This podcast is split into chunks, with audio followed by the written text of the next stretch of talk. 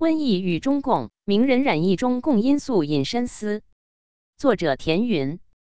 大纪元二零二零年四月十九日讯，中共病毒疫情爆发以来，许多知名人士确诊感染，甚至因病离世，其中包括政治、金融、商业、教育、传媒、文艺、体育和娱乐等领域的名流和明星。本文关注染疫名人与中共之间不同形式的关联，希望引起读者的思考与警觉。一、政界。三月二十七日，英国首相鲍里斯·约翰逊 （Boris Johnson） 被确诊感染了中共病毒，他是西方大国中首个染疫的领导人。约翰逊居家隔离后病情加重，入院治疗，一度进入重症室，四月十二日出院。约翰逊最为亲共的举动，就是今年一月二十八日宣布对华为公司放行，允许其参与英国的五 G 建设。这一决定为中共投送了对方渴望的背书，招来美、澳等盟友及本国保守派议员的强烈反对。此外，约翰逊在担任伦敦市长时，曾推动沪伦通金融项目，也曾对“一带一路”表示热情。他的父亲和两个弟弟也都有亲共背景。摩纳哥国王阿尔贝二世于三月十九日确诊，是首位染疫的国家元首。他在位期间曾十次访华，与中共十分亲近。二零一八年，摩纳哥与华为签署协议，成为首个五 G 覆盖全国的国家。此外，摩纳哥也表示有意参与“一带一路”项目。被北京当局称为中欧合作的先行者。伊朗是中共的亲密伙伴，积极拥抱“一带一路”。一名经济部官员为了吸引外资，曾表示：“我们会为中国企业铺上红地毯。”本次疫情中，伊朗受灾惨重，至少二十多名高层政要染疫，包括第一副总统埃沙克·贾汉吉里 （Ishak Jahangiri），其中七人已经去世。二。金融界和商界。四月九日，著名金融公司摩根斯坦利首席执行官詹姆斯·戈尔曼 （James Gorman） 对外宣布，他已经从新冠病毒、中共病毒中恢复。他是已知染疫的最资深华尔街高管。三月二十九日，华尔街知名投资银行杰富瑞 （Jeffries） 的首席财务官佩格·布罗德本特。Pat Broadbent 因中共病毒引起并发症去世。他生前还曾在摩根斯坦利工作了十六年。三月二十一日，摩根大通前资深高管比尔·派克 （Bill Pike） 也因为感染中共病毒离世。华尔街财团一向与中共交好，几名资深高管先后被中共病毒攻陷，这并非巧合。二零一八年六月一日，中美贸易战开打之际，名胜指数。MSCI 按照百分之二点五的纳入比例，将 A 股正式纳入 MSCI 新兴市场指数中。二零一八年九月三日，MSCI 将中国 A 股的纳入比例提高到百分之五。二零一九年二月二十八日，MSCI 又宣称将把中国大型股在其指数中的纳入因子提高至百分之二十。路透社报道说。此举可能吸引超过八百亿美元的新外资流入中国。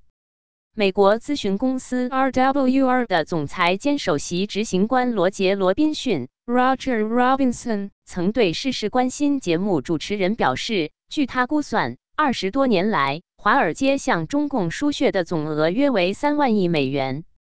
注：罗宾逊曾在里根总统时期担任国安委国际经济事务高级总监。二零一六年，摩根大通银行被联邦政府罚款两亿六千四百万美元，依据是反海外腐败法。案件的起因是摩根大通于二零零三年开启了一个名为“子女 （Sons and Daughters）” 的项目，专门聘请中共高官子女，为银行带来了一亿美元收益的生意机会。三月三十日，七十六岁的谷歌公司副总裁文顿·瑟夫 v i n s e r v 证实自己罹患中共肺炎，引人探究谷歌与中共的关系。据媒体报道，近年来，谷歌高层一直在积极寻求重新进入中国的方式，试图不断扩大在中国的业务。二零一八年，媒体曝光，谷歌正在为中共开发一个过滤的新闻应用程序，以期重返中国市场。这个名为蜻蜓 （Dragonfly） 的项目引起了谷歌员工的愤慨和美国政府及民众的批评。三月十六日，美国媒体报道，环球音乐集团 （Universal Music Group） 董事长兼首席执行官卢西恩·格兰奇 （Lucian Grange） 被确诊染疫。环球音乐是全球最大的唱片公司。二零一七年五月，环球音乐与中国腾讯音乐娱乐集团签订了战略性合作协议。腾讯音乐娱乐包括旗下的音乐公司，获得环球音乐海量曲库内容和全球知名歌手资源的运营、推广、开发等权益。二零一九年三月三十一日，中国腾讯控股完成了收购环球音乐集团百分之十股权的交易，交易额即约为三十亿欧元。三、教育界。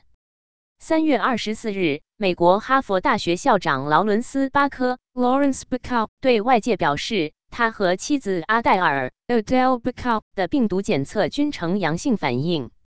六十八岁的巴科是环境政策和法律方面的学者，自二零一八年起担任哈佛大学第二十九任校长，任教于大学的肯尼迪政府学院。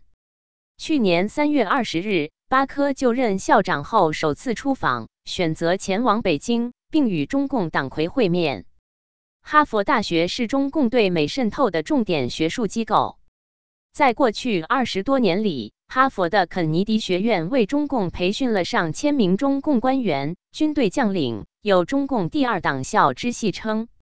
自二零一二年以来，中共以礼品及合同的形式向八十七所美国大学提供了约六亿八千零二十七万美元，其中哈佛大学已获得捐款七千九百二十七万两千八百三十四美元，排在首位。二零二零年一月二十八日，哈佛大学化学系主任、纳米领域知名科学家查尔斯·利伯 （Charles M. Lieber） 教授被 FBI 逮捕，震惊学术界。根据美国司法部文件，利伯被指控向调查员隐瞒其参与中共的千人计划以及其与武汉理工大学的联系。据检方称，李柏从中方获得每月五万美元的酬金、年约十五万美元的生活费以及超过一百五十万美元的资金，供其在武汉理工大学建立实验室。四、传媒界。三月三十日，美国哥伦比亚广播公司 （CBS） 高级新闻主管、资深媒体制作人玛利亚·梅尔卡德 （Maria Mercader） 因感染中共病毒病逝，得年五十四岁。他是第一位因中共病毒去世的美国媒体高管。总部位于纽约的 CBS 是美国三大商业广播电视公司之一。近年来，CBS 不断扩张其在中国的市场。展开多种网络媒体业务。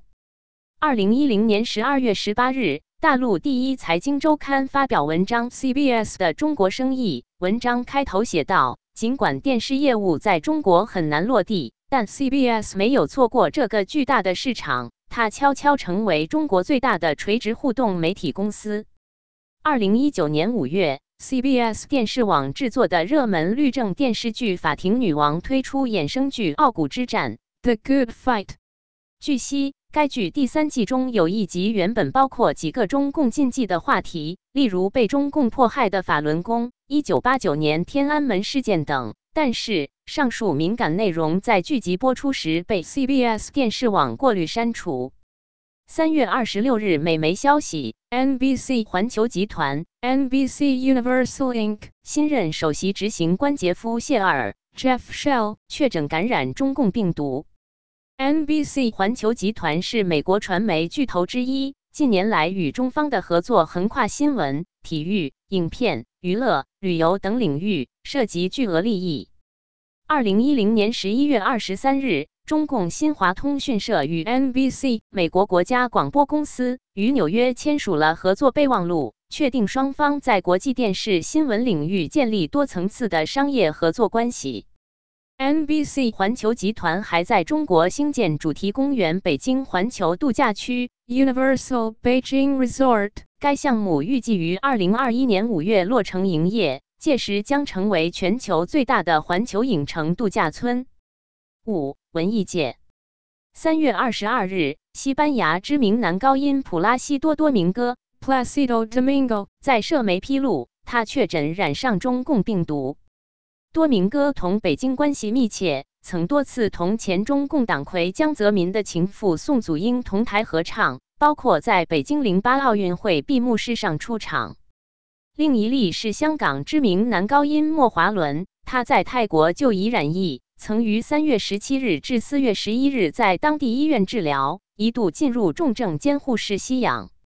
四月十一日，在检测为阴性后，莫华伦立即返港，但是十二日在港测试又呈阳性。莫华伦多年来频频为中共站台，二零一五年起获任中共北京市政协委员，之前还曾是珠海市政协委员。二零零七年，莫华伦在北京人民大会堂上演音乐会。二零一零年十月三十一日，他在上海世博会闭幕式中担任开场演出。二零一九年香港反送中抗议期间，莫华伦参与了撑港警的集会，还配合中共欺骗宣传录制视频。二零二零年一月，莫华伦在中共央视春晚演唱《亲爱的中国》，中共病毒大爆发后，他拍片为“武汉加油”，为中共粉饰太平。结语：大纪元特稿指出，病毒针对共产党而来。他循着与中共关系密切的国家、城市、组织与个人一路蔓延。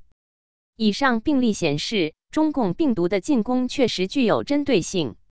中共擅长拉拢各界名人为其站台，借助对方的影响力和名人效应来推销他的欺骗宣传，推行渗透计划。那些人物往往因为利益的诱惑而被中共利用，向中共输送了不同类型的支持，甚至沦为迫害人权的帮凶。亲共名人被病毒侵蚀，这一现象应促人警醒。大瘟疫祸起中共，中共病毒的冠名最为贴切。